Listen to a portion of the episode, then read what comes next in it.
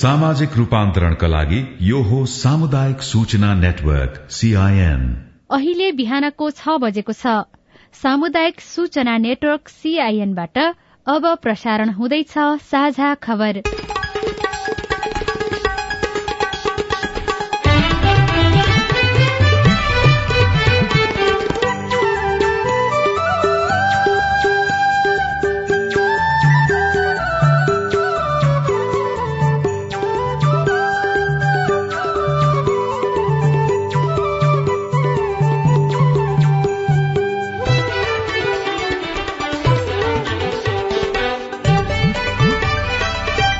शुभ प्रभात यो सीआईएन को साझा खबर हो। सजना तिमल सिन्हासँगै लील प्रकाश चन्दको तपाईँलाई स्वागत छ। सामुदायिक रेडियोबाट देशैभरि एकैसाथ प्रसारण भइरहेको साझा खबर सीआईएन खबर डट कम र मोबाइल एप सीआईएनबाट पनि सुन्न सकिन्छ। आज दुई हजार उनासी साल पुष दश गते आइतबार डिसेम्बर पच्चीस तारीक सन् दुई हजार बाइस नेपाल सम्बत एघार सय त्रिचालिस पौष शुक्ल पक्षको द्वितीय तिथि आज क्रिसमस डे।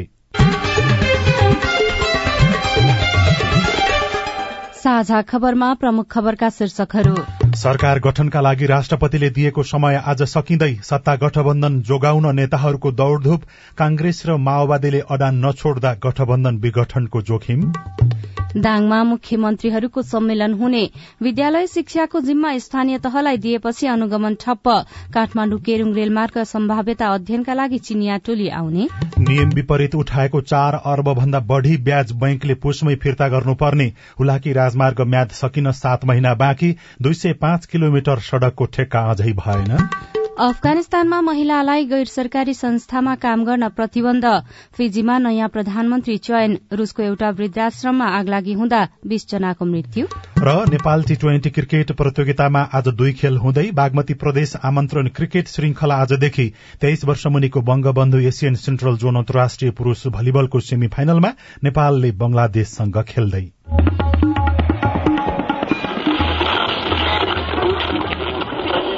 सयौं रेडियो। हजारौं रेडियो कर्मी र करोड़ौं नेपालीको माझमा यो हो सामुदायिक सूचना नेटवर्क सीआईएन साझा खबरको सबैभन्दा शुरूमा सरकार गठनका लागि राष्ट्रपतिले दिएको समय सीमा सकिँदै गर्दा गठबन्धन जोगाउनको लागि दौड़धूप भइरहेको प्रसंग राष्ट्रपति विद्यादेवी भण्डारीले नयाँ सरकार गठनका लागि राजनैतिक दलहरूलाई दावी पेश गर्न आह्वान गर्नुभएको एक साताको समय सीमा आज सकिँदैछ। राष्ट्रपतिका प्रमुख स्वकीय सचिव डाक्टर भेषराज अधिकारीका अनुसार राष्ट्रपति भण्डारीले पुस तीन गते दलहरूलाई प्रधानमन्त्री नियुक्त गर्न दिनुभएको समय आज साँझ पाँच बजे सकिँदैछ। उहाँले प्रतिनिधि सभाका दुई वा दुई भन्दा बढ़ी दलको समर्थनमा बहुमत प्राप्त गर्न सक्ने प्रतिनिधि सभाको सदस्यलाई प्रधानमन्त्री नियुक्तिका लागि गत शुक्रबार आह्वान गर्नुभएको थियो।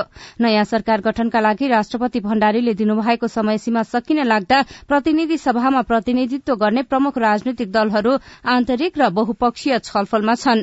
हिज बालुवाटारमा भएको बैठकमा पनि प्रधानमन्त्री रहनुभएका शेरबहादुर देउवा र पुष्पकमल दाहाल प्रचण्ड आ आफ्नो अडानबाट पछि हट्नु भएन। दिउँसो चार बजे बैठक बोलाइए पनि त्यस अघि नै एक अर्कालाई दबावमा राख्न दुवै पक्षबाट सन्देश र संकेत आदान प्रदान भइरहे। दिउँसो बाह्र बजे बालुवाटारमा उपस्थित हुन भनेर कांग्रेस सांसदहरूलाई सूचना गरिएको थियो। अपरान्न चार बजेको गठबन्धन बैठकमा दाहाल पनि वरिष्ठ उपाध्यक्ष नारायण काजी श्रेष्ठ र महासचिव देव गुरूङलाई लिएर पुग्नु भएको थियो। पार्टीभित्रको दबावका कारण पनि आफूले यसपालि सरकारको नेतृत्व छाड्न नसक्ने दाहालको दावी थियो। देउवाले पनि पार्टी पंक्तिलाई नै देखाएर पहिलो पालो आफूलाई दिन आग्रह दोहोर्याउनु भएको थियो। सत्ता गठबन्धनमा तीन शीर्ष नेता आलो पालो प्रधानमन्त्री हुने सहमति जुटेको छ तर कसले पहिलो कार्यकालको नेतृत्व गर्ने भन्ने विषयमा अझै कुरा मिलेको छैन।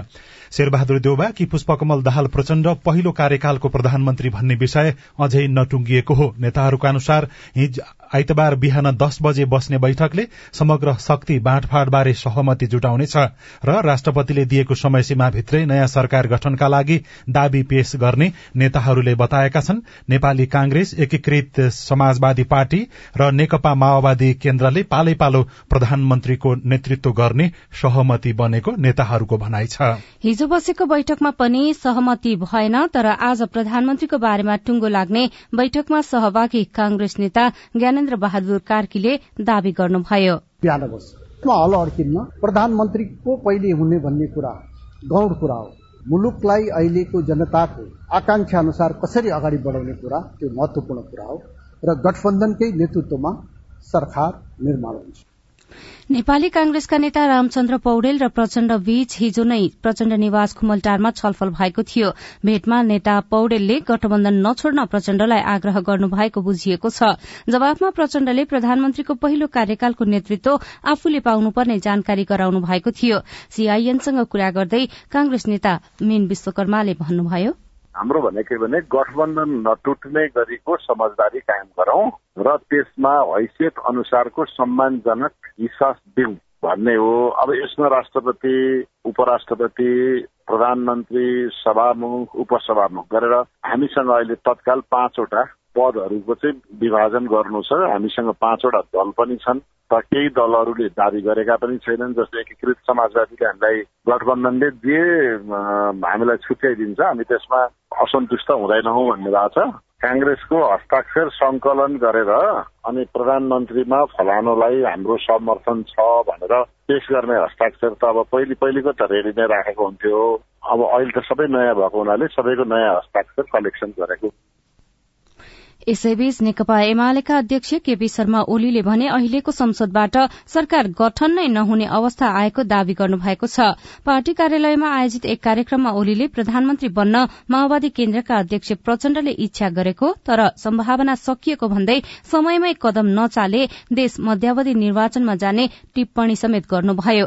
विश्लेषकहरूले भने सरकारका लागि भइरहेको हानाथापले देशमा अस्थिरता निम्तने बताइरहेका छन्। सीआईएनसँग कुरा गर्दै विश्लेषक लेखक मुमाराम खनाल। मध्यावधिमा गए पनि परिणाम यस्तै नै आउने हो। यसभन्दा भिन्न परिणाम आउने सम्भावना छैन। किनकि कुनै पनि राजनीतिक दलले एकदमै ठुलो आफ्नो पक्षमा बहुमत लिने खालको त्यस्तो कार्यक्रम अथवा चाहिँ त्यो खालको विश्वास हुने परिस्थिति त छैन। त्यसमाले मलाई लाग्छ मध्यावधितिर जानुभन्दा पनि समीकरणहरू धेरै बदलिने सम्भावना चाहिँ छ। अब त्यो चाहिँ राजनीतिक दलहरूका मुख्य नेताहरूको अतिरिक्त चाहिँ शक्तिशाली बन्ने जुन चाहना छ आफ्नो शक्तिभन्दा पनि अरू विभिन्न गुट उपगुटहरू मिलाएर अनि त्यो अतिरिक्त शक्ति आर्जन गर्ने र अनि प्रधानमन्त्री बन्ने भन्ने जुन चाहिँ अराजनैतिक चाहना छ भनौँ न एक प्रकारले जुन म्यान्डेट चाहिँ नागरिकले उनीहरूलाई दिएका छैनन् मतदाताले उनीहरूलाई प्रतिपक्षमा रहनको लागि म्यान्डेट दिएको छ तर उनीहरू चाहिँ सबै नै सत्ता पक्ष हुन चाहन्छन्। यो अन्तर्विरोधले गर्दाखेरि यो अस्थिरता अलिकति बढेर जाने सम्भावना चाहिँ छ। सरकारको नेतृत्वका लागि कांग्रेस र माओवादी केन्द्र आ आफ्नै अडानमा छन्। माओवादी केन्द्रले सत्ता गठबन्धन छाडेमा सरकार गठनका लागि अग्रसरता लिने एमालेको रणनीति छ। राजनीतिपछि अब स्वास्थ्यको प्रसंग खुला सीमा रहेको छिमेकी मुलुक भारतमै कोविड उन्नाइसको सब भेरिएन्ट बीएफ सात देखिएसँगै स्वास्थ्य र गृह मन्त्रालयले भीड़भाड़ नगर्न तथा मास्क अनि सेनिटाइजर अनिवार्य गर्न आग्रह गरेका छन्। दुवै मन्त्रालयले विज्ञप्ति जारी गर्दै स्वास्थ्यका मापदण्ड पूर्ण पालना गर्दै सजगता अप्नाउन आग्रह गरेका हुन्। खुला सिमाना र मानिसहरूको आवत कारण नेपालमा पनि सब भेरिएन्ट फैलिन सक्ने जोखिम रहेकाले रोकथाम र नियन्त्रणका उपाय अप्नाउनुपर्ने स्वास्थ्य मन्त्रालय पार्टीका प्रवक्ता डाक्टर सञ्जय ठाकुरले सीआईएनसँग बताउनुभयो।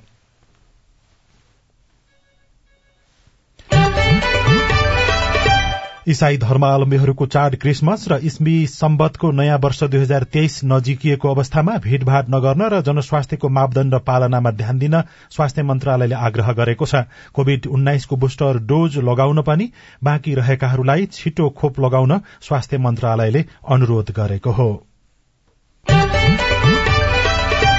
यही पुस पन्ध्र गतेदेखि भन्सार घोषणा नगरिएका मोबाइल फोन सेट नचल्ने भएका छन्। नेपाल दूरसंचार प्राधिकरणले हिजो एक सूचना जारी गर्दै mobile device management system MDMS पूर्ण कार्यान्वयनमा ल्याउने र उक्त प्रणालीमा नजोडिएका मोबाइल सेट नचल्ने बताएको हो। विदेशबाट आउने नेपालीहरूले निजी प्रयोगका लागि आफ्नो साथमा ल्याएका मोबाइल सेट भन्सार कार्यालयबाट प्रज्ञापन पत्र लिई प्रणालीमा अध्यावधि गर्न प्राधिकरणले अनुरोध गरेको छ।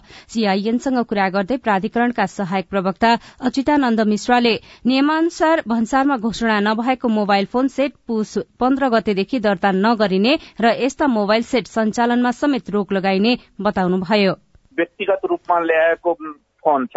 त्यो व्यक्तिगतमा रूपमा ल्याएको फोनलाई हामीले बिलहरू हेरेर चाहिँ रेजिस्ट्रेसन गरिरहेका थियौँ। अनि त्यसपछि चाहिँ अस्ति चाहिँ अब भन्सार विभाग नेपाल दूरसञ्चार प्राधिकरण संचार मन्त्रालय सबै बसेर चाहिँ हामीले चाहिँ छलफल गऱ्यौँ। भन्सार विभाग जति पनि मोबाइल आउँछ त्यसलाई चाहिँ प्रज्ञापन पत्र भन्सार विभागले दिन्छन्। त्यसको आधारमा दर्ता गर्ने भनेर चाहिँ निर्णय भए हो त्यही अनुसार हामीले सूचना निकालेको। रजिस्ट्रेसन प्रोसेसको लागि पहिला भन्सार विभागमा व्यक्तिगत रूपमा जुन ल्याएका मोबाइलहरू छन् या सबै प्रज्ञापन पत्र त्यहाँबाट जुन दिन्छ त्यो लिएर आउनुहोस् अनि त्यसबाट चाहिँ रेजिस्ट्रेसन हुन्छ भन्ने कुरा हामी सूचित गरे हो।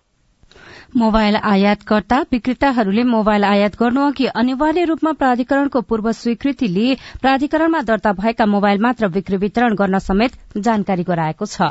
यसैबीच विभिन्न कानून व्यवसायीहरूले भने व्यक्तिगत मोबाइलमा त्यस्तो व्यवस्था लागू नगर्नको लागि अनुरोध गरेका छन्। कानून व्यवसायी सन्तोष सिगदेलले राज्यले सबै मोबाइल राजस्वको दायरमा ल्याउँछु भन्न पाउने तर त्यसले संस्थागत बिक्रीलाई जनाउने पनि उल्लेख गर्नुभयो।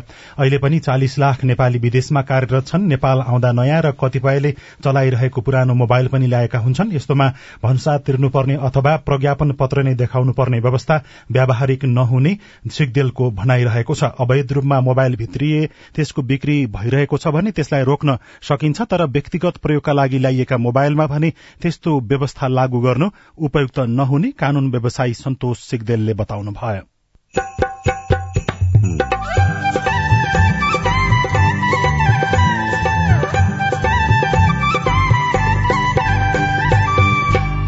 सामुदायिक सूचना नेटवर्क सीआईएन मार्फत देशभरि प्रसारण भइरहेको साझा खबरमा नेपालको अस्ट्रिचको मासु विदेशमा पनि माग तर पुर्याउन कठिन। अहिले धेरै अस्ट्रिच भएको भए बाहिर कुरा सम्भव हुन्थ्यो अहिले त्यति छैन। नेपालको लागि पनि पुर्याउन सकिन्न त्यो अहिलेको उसमा। अहिले टेन्डर मिट यति माग छ तर हामीले पुर्याउनै सकिएको छैन विद्यालय शिक्षाको जिम्मा स्थानीय तहलाई दिएपछि अनुगमन ठप्प। काठमाडौँ केरूङ रेलमार्ग सम्भाव्यता अध्ययनका लागि चिनिया टोली आउने नियम विपरीत उठाएको चार अरब भन्दा बढ़ी ब्याज बैंकले पुष महिनाभित्रै फिर्ता गर्नुपर्ने लगायतका खबर बाँकी नै छन्। सीआईएनको साझा खबर सुन्दै गर्नुहोला।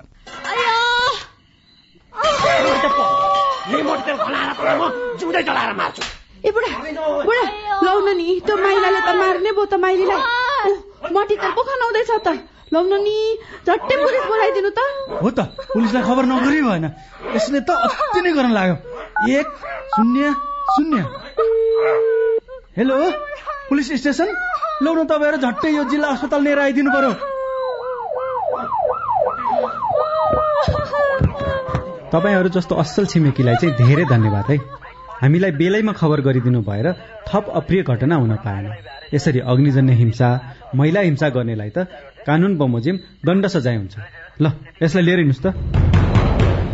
सावधान। पेट्रोल मट्टीतेल जस्ता ज्वलनशील पदार्थ लगायत तेजाब करेन्ट आदिले जलाई ज्यान मार्ने अङ्गभंग गर्ने शारीरिक क्षति पुर्याउने जस्ता आपराधिक कार्य गर्नेलाई प्रचलित कानून अनुसार कड़ा भन्दा कड़ा सजाय तथा जरिवानादेखि जन्म कैदसम्म हुने व्यवस्था छ। त्यस्ता कार्य नगरौं नगराउ। अग्निजन्य हिंसा भएमा उजुरी गर्न प्रहरीको नम्बर एक शून्य शून्यमा र अन्य आवश्यक सहयोगको लागि बीबीएस नेपालको फोन नम्बर शून्य एक चौन्न पचपन्न छ आठ नौमा सम्पर्क गर्नुहोला। अग्निजन्य हिंसा विरूद्धको अभियानमा एक्सन एड नेपाल र बीभीएस नेपालद्वारा जनहितमा जारी सन्देश। सामाजिक रूपान्तरणका लागि यो हो सामुदायिक सूचना नेटवर्क सीआईएन तपाई अहिले देशभरिका सामुदायिक radio CIN Khabar dot com र मोबाइल एप सीआईएनबाट एकैसाथ साझा खबर सुन्दै हुनुहुन्छ। मोबाइल एप नेपाली पात्रोबाट पनि सीआईएनको साझा खबर सुनिरहनु भएको छ। अब बाँकी खबर। लिखित र ट्रायल परीक्षा उत्तीर्ण गरेका सात लाख भन्दा धेरै सेवाग्राहीले सवारी चालक अनुमति पत्र अर्थात लाइसेन्स पाएका छैनन्। सरकारले छ महिनाभित्रै लाइसेन्स वितरण गर्ने बताएको भए पनि वर्ष दिन बित्दा समेत लाइसेन्स नपाएको नागरिकको गुनासो छ। यद्यपि यातायात व्यवस्था विभागले भने माघभन्दा छपाई कम भएकाले ढिलो भएको स्वीकार गरेको छ। विभागका प्रवक्ता ईश्वरी दत्त पनेरूले सीआईएनसँग कुरा गर्दै दैनिक सात हजारसम्म माग हुने गरेको भए पनि पैंतालिस सय मात्र छपाई हुँदा समस्या भएको बताउनुभयो लाइसेन्स अफ रेगुलर प्रिन्टिङको कामहरू जुन यथावत रूपमा भइ नै रहेको छ होइन? अब छाप्न बाँकी त डिमान्ड र हाम्रो सप्लाईको अलिकति ब्यालेन्स नमिलेको अवस्था हो किनभने अहिले हाम्रो लगभग चार हजारदेखि पैँतालिस सयको हाराहारीमा दैनिक रूपमा छापिन्छ भने डिमान्ड चाहिँ तपाईँको छ हजारदेखि सात हजारको बिचमा डिमान्ड छ। भने पछाडि जहिले पनि अब हामी भनौँ न हरेक दिन चाहिँ ब्यागमै जानुपर्ने स्थिति छ बाँकी नै रहन्छ। त्यो हुँदाखेरि अब पाँच लाख भन्दा बढी नै होला कम्ता छैन भनौँ न चाहिँ हामी डेभलपमै छौँ होइन। तर काम चाहिँ भइरहेको छ। अब यो समस्या समाधान गर्न चाहिँ यसपालि चालु आर्थिक वर्षमा बजेट विनियोजन भएको छ र स्मार्ट कार्ड खरिदको लागि र मास प्रिन्टर खरिदको लागि टेन्डर आह्वान भएर अहिले प्रक्रियामा रहेको छ। लाइसेन्स लिनको लागि समय लाग्ने भए पनि विदेश जानेहरूका लागि भने तीन दिनभित्र लाइसेन्स दिने व्यवस्था विभागले गरेको पनि उहाँले दावी गर्नु भएको छ। अब आज काठमाडौँबाट प्रकाशित पत्र पत्रिकाको खबर कान्तिपुर दैनिकमा विदा हुने बेलामा मुख्यमन्त्रीहरूको सम्मेलन शीर्षकमा घनश्याम गौतमले रूपन्देहीबाट लेख्नु भएको छ। विदा हुनु पूर्व सातै प्रदेशका मुख्यमन्त्रीले लुम्बिनी प्रदेशमा सम्मेलन गर्ने भएका छन्। लुम्बिनीको राजधानी दाङ देउखुरीमा पुष पन्ध्रमा मुख्यमन्त्रीहरूको सम्मेलन हुन लागेको हो। लुम्बिनीका मुख्यमन्त्री कुलप्रसाद केसीको प्रस्तावमा हुन लागेको सम्मेलनमा प्रदेशको पाँच वर्ष समीक्षा गर्ने र संघीयता कार्यान्वयनका लागि नयाँ प्रतिनिधि सभालाई सुझाव दिने तयारी गरिएको छ। भित्री पन्नामा बैंकले नियम विपरीत उठाएको चार अर्ब छैसठी करोड़ ब्याज पुसमै फिर्ता गर्नुपर्ने शीर्षकमा यज्ञ बन्जाडेले खबर लेख्नु भएको छ। वाणिज्य बैंकहरूले नियम विपरीत ब्याज बढ़ाई असुलेको रकम यही पुसभित्रै ऋणीहरूलाई फिर्ता गर्नुपर्ने भएको हो। राष्ट्र बैंकले सञ्चालनमा रहेका पच्चीसवटै वाणिज्य बैंकलाई प्रिमियम बढ़ाएर ऋणीबाट नियम विपरीत असुलेको कुल चार अर्ब छैसठी करोड़ रूपियाँ फिर्ता गर्न निर्देशन दिएको हो। काठमाण्डु केरूङ रेलमार्ग सम्भाव्यता अध्ययन गर्न चिनिया टोली आउँदै गरेको अर्को खबर विमल खतिवड़ाले लेख्नु भएको छ। केरूङ काठमाण्डु रेलमार्गको सम्भाव्यता अध्ययनका लागि चिनिया प्राविधिक टोली नेपाल आउने भएको छ। लामो समय सम्पर्कमा नरहेको प्राविधिक टोलीले अध्ययनका लागि छिट्टै आउने सन्देश पठाएको भौतिक पूर्वाधार तथा यातायात मन्त्रालयले जानकारी दिएको छ। चिनिया टोली आएपछि सम्भाव्यता अध्ययनका लागि नेपाल र चीन सरकारबीच सम्झौता हुनेछ। नयाँ पत्रिका दैनिकको अर्थपत्रिका पृष्ठमा हुलाकी राजमार्ग म्याच सकिन सात महिना बाँकी तर दुई सय पाँच किलोमिटर सड़क र पचास पुलको ठेक्का अझै भएन शीर्षकमा मिलन विश्वकर्माले खबर लेख्नु भएको छ। लक्ष्य अनुसार समयमै काम नहुँदा आयोजनाको लागत झण्डै बीस अर्बले बढ़ेको छ। भौतिक प्रगति बहत्तर र वित्तीय प्रगति त्रिसठी प्रतिशत भएको छ भने म्याथ थप गर्ने तयारी भएको छ। सड़क विभागका महानिर्देशक अर्जुनजङ थापाले आयोजना सम्पन्न गर्न अझै दुई तीन वर्ष लाग्ने बताउनु भएको छ। चौध वर्षमा बहत्तर प्रतिशत मात्रै प्रगति भएको छ। बजेट नहुँदा ढिलाइ भएको सड़क विभागका महानिर्देशक थापाले दावी गर्नु भएको छ। नयाँ पत्रिका दैनिकमै नवराज मैनाली लेख्नुहुन्छ जब प्रेमीले नै घुम्ने प्रलोभनमा कोकिनको सुटकेस बोकाएर नेपाल पठाए बत्तीस वर्षीय युक्रेनी युवती डारिया एन्टोनेनको पाँच वर्षदेखि थाइल्याण्डको बैंकमा बस्दै आउनु भएको थियो। ब्युटिसियनका रूपमा त्यहाँ काम गर्ने उहाँको करिब चार वर्ष अघि एक डिस्कोमा अफ्रिकी मूलका युवकसँग भेट भयो। त्यही भेटबाट नजिकेर उनीहरू प्रेमी प्रेमिका बने। उनी प्रेमीले गत महिना डारियालाई ब्राजिल घुम्नका लागि प्रस्ताव राखे। खर्च समेत दिने बताएपछि उतै तत्कालै उनी तत्कालै तयार पनि भइन्। आफ्नो केही सामान पनि ब्राजिलबाट ल्याउनु पर्ने भन्दै उनले दुई हजार डलर खर्च दिएर टिकट पनि काटिदिएका थिए। प्रेमीले नै घुम्ने प्रलोभनमा कोकिनको सुटकेस बोकाएर नेपाल पठाएको अनुसन्धानबाट खुलेको छ। गोर्खापत्र दैनिकको भित्री पन्नामा अझै बैंक पुगेन साइपालमा शीर्षकमा खबर छ मुलुकभरका सात सय त्रिपन्न स्थानीय तहमध्ये एउटामा अझै पनि वाणिज्य बैंकको शाखा पुग्न सकेको छैन। यो गाउँपालिका हो बझाङ जिल्लाको साइपाल। अर्को खबर घातक रोगको उपचारका लागि दस लाख शीर्षकमा सीता शर्माले लेख्नु भएको छ। योगदानमा आधारित सामाजिक सुरक्षा कोषले योगदानकर्तालाई घातक रोगको औषधि उपचारका लागि दस लाख रूपियाँसम्म दिने व्यवस्था गरेको छ। उक्त सुविधा कोषमा दुई वर्ष योगदान गरेका योगदानकर्ताले पाउनेछन् सो अवधिसम्म कोषमा योगदान गरेका योगदानकर्ताले पुष पाँच गतेदेखि सेवा दावी गर्न पाउने भएका हुन्। यस्तै नागरिक दैनिकमा जाँदा जाँदै तीस करोड़ अनुदान बाँड्न अर्थमा प्रस्ताव शीर्षकमा भुवन शर्माले खबर लेख्नु भएको छ। संस्कृति पर्यटन तथा नागरिक उड्डयन मन्त्री जीवनराम श्रेष्ठले जाँदा जाँदै आफू निकट विभिन्न संघ संस्थालाई तीस करोड़ रूपियाँ अनुदानका रूपमा उपलब्ध गराउन अर्थ मन्त्रालयमा प्रस्ताव पठाउनु भएको छ। सामाजिक धार्मिक सांस्कृतिक क्षेत्रमा कार्यरत संघ संस्थालाई प्रवर्धन गर्ने भन्दै संस्कृति पर्यटन तथा नागरिक उड्डयन मन्त्रालयले अनुदान दिने गरेको छ। यसरी दिइने अनुदान नियमित भने हुँदैन। साझा खबरमा अब हेलो सीआईएन अविनाश आचार्यबाट। मेरो घर चाहिँ रानी छाप दोरम्बा सैलुङ गाउँपालिका वडा नम्बर सात डोप्ला टाढी बस्ने भेषबहादुर श्रेष्ठ हो म। मेरो भूकम्प प्रयोग घर तीन वर्ष अघि बनेको घरको पैसा नआएको कारण कुन ठाउँमा कुरा गर्नुपर्ने हो र कहाँ बुझ्नु पर्ने हो यो बुझ्न पाए हुन्थ्यो। पैसा आउँछ भनेर पनि नआउने भइसक्यो यसबारे तपाईँलाई जवाफ दिँदै हुनुहुन्छ दोरम्बा सैलुङ गाउँपालिकाका उपाध्यक्ष खमला थापा मगर। यहाँको समस्या उहाँको एकजनाको मात्र समस्या चाहिँ होइन। होइन यो धेरै गाउँपालिका स्तरको धेरैजनाको समस्याहरू हो। यो चाहिँ हामीले कुरा गरिराखेका छौँ। यो कुरा गरिरहँदाखेरि अब यो अस्ति भर्खरसम्म चाहिँ चुनावको यो आधार संहिताले नआएको भन्ने कुरा आएको छ। अब यो फाइल चाहिँ मन्त्री परिषदकोमा पुगेको छ हाम्रो। यो पछाडि तत्काल यो पैसा फुका भइसके पछाडि बाँच्छौँ भन्ने बाँच्छौँ भन्ने कुरा आएको छ यो तत्काल हुन्छ। बुटवल उपमहानगरपालिकाका एकजना श्रोता युवराज राणाले हाम्रो फेसबुक पेज कम्युनिटी इन्फर्मेशन नेटवर्कमा जिज्ञासा राख्दै सोध्नु भएको छ इलाका प्रशासन कार्यालय बुटवल रूपन्देहीमा नयाँ मतदाताको नाम चढ़ाउने कार्य शुरू भयो कि भएन? छैन भने कहिलेबाट शुरू हुन्छ? युवराजी तपाईँको जिज्ञासा मेटाउँदै हुनुहुन्छ इलाका प्रशासन कार्यालय बुटवल रूपन्देहीका सूचना अधिकारी ध्रुव प्रसाद नेपाल। अहिले भर्खर निर्वाचन भएको भएर निर्वाचन कार्यालयले अझै त्यो आफ्नो युनिटहरू अझै विस्तार गरेका छैन। अहिले तत्कालैलाई त हाम्रो इलाका प्रशासन जिल्ला प्रशासनबाट छैन जिल्ला निर्वाचन कार्यालयले गरिराखेको होला। छैन भने कहिले सुरु हुन्छ भनेर पनि उहाँले सोध्नु भएको छ। त्यो निर्वाचन कार्यालयले आयोगले भन्छ निर्वाचन कार्यालयले चाहिँ पठाउने कुरा हो। त्यही भएर हामीमा डाइरेक्ट उयो आएपछि थाहा पाइन्छ हामीले हम कवलवस्तु नगर पालिका सात के हुई।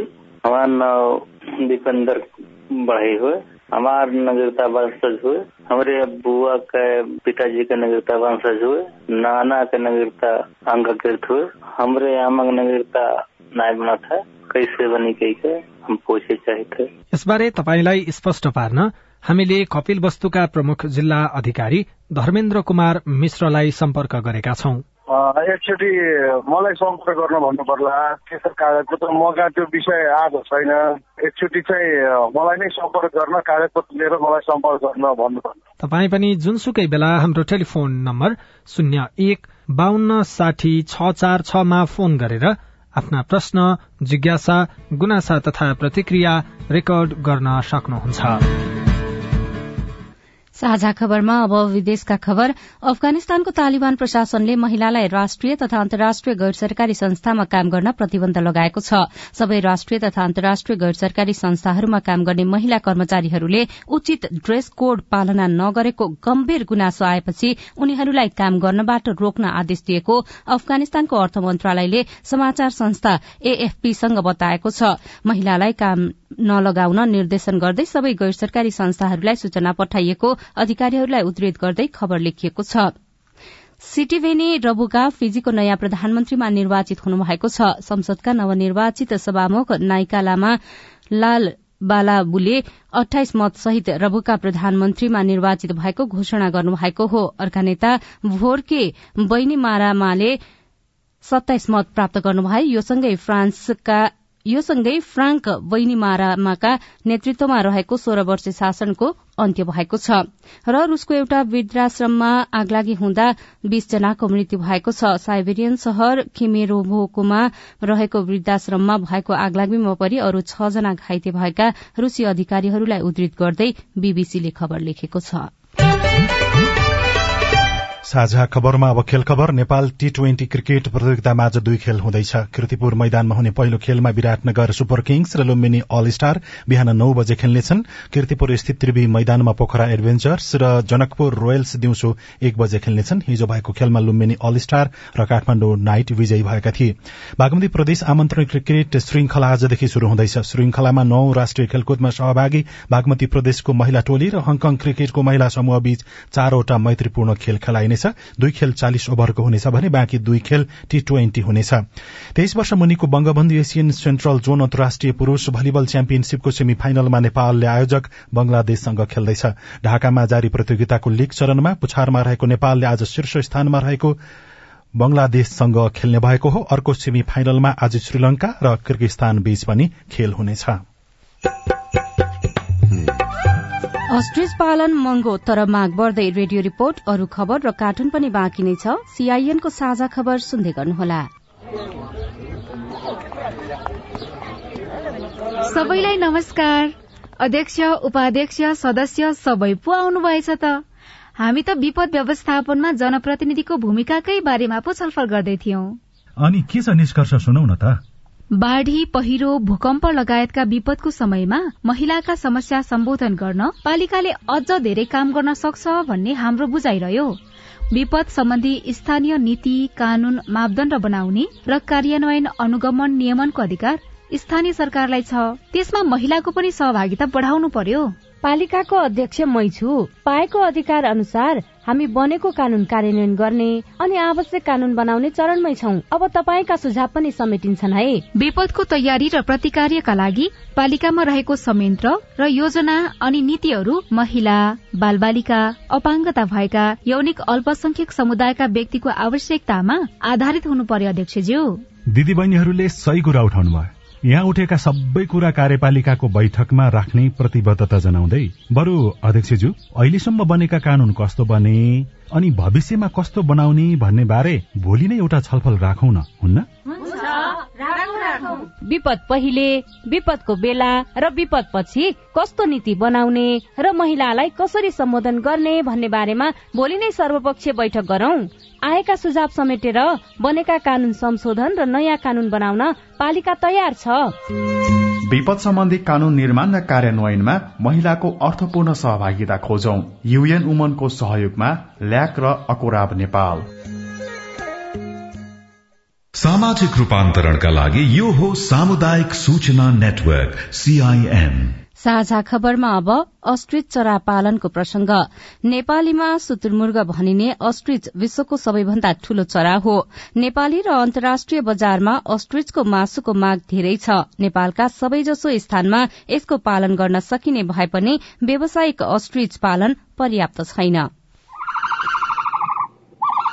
लामो घाँटी र लामै खुट्टा भएका ठूला ठूला चराहरू तार जालीभित्र यताउता गरिरहेका छन्।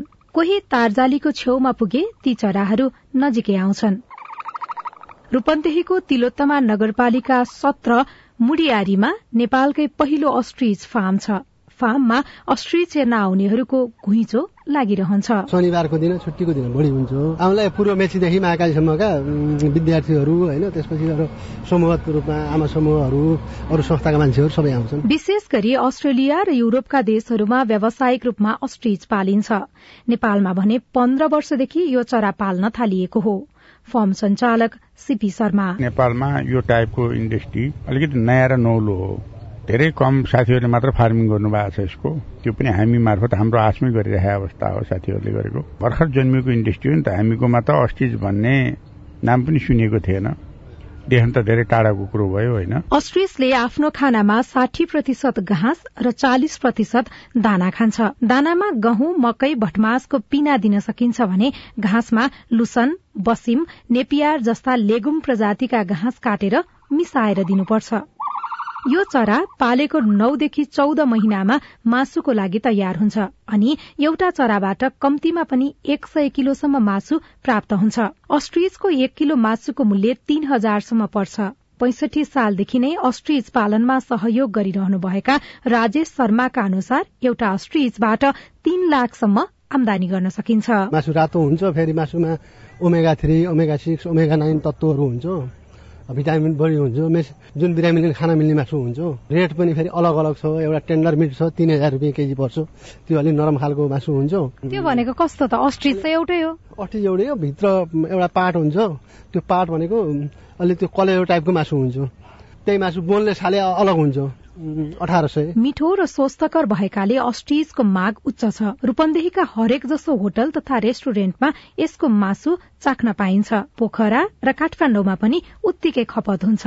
विदेशमा पनि यसको माग छ तर पुर्याउन सकिएको छैन। धेरै अस्ट्रिज भएको भए बाहिरको लागि सम्भव हुन्थ्यो। अहिले त्यति छैन। नेपालको लागि पनि पुर्याउन सकिन्न त्यो अहिलेको उसमा। अहिले टेन्डर मिट यति माग छ तर हामीले पुर्याउनै सकिएको छैन। एउटा भनेको बाह्र पन्ध्र किलो मासु हुन्छ।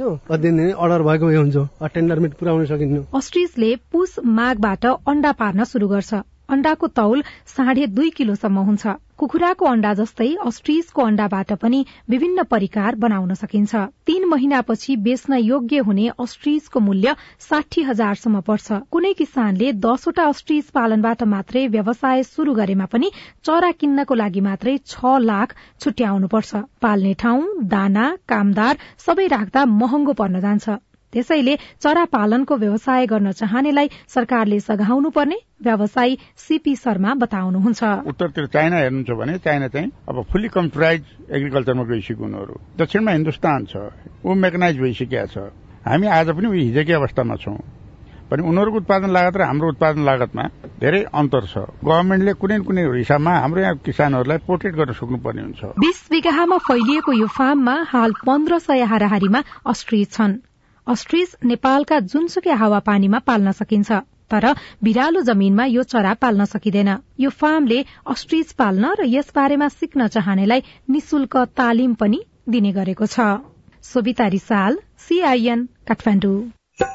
रिपोर्टसँगै हामी साझा खबरको अन्त्यमा आइपुगेका छौं। सामुदायिक रेडियो प्रसारक संघद्वारा संचालित सीआईएनको बिहान छ बजेको साझा खबर सक्नु अघि मुख्य मुख्य खबर फेरि एकपटक।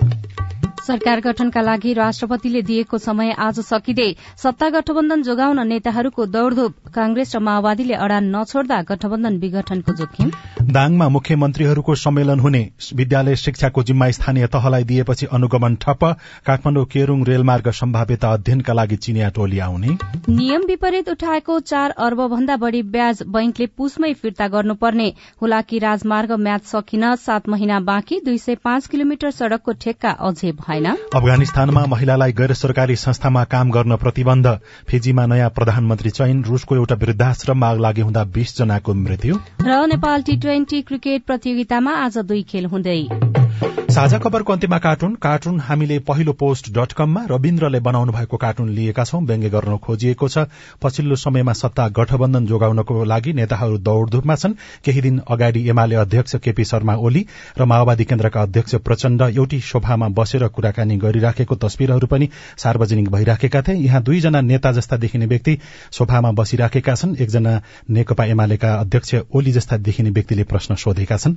तयार होइन त आलो पालोको लागि प्रचण्ड जस्ता व्यक्ति भन्छन् खै आफ्नो हातमा त सधैँ आलु मात्रै पर्छ पालो त कहिले हो कहिले?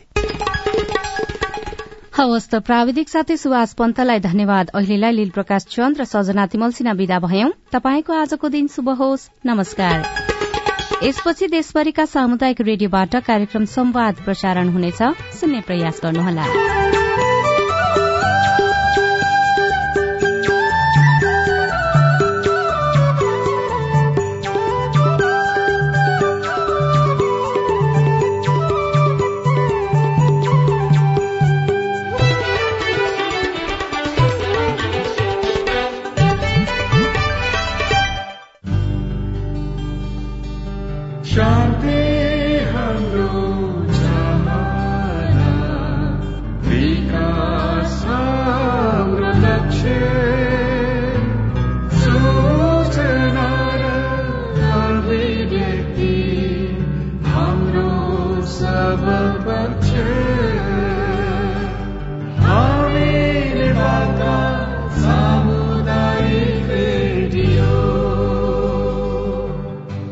सामाजिक रूपान्तरणका लागि यो हो सामुदायिक सूचना नेटवर्क सीआईएन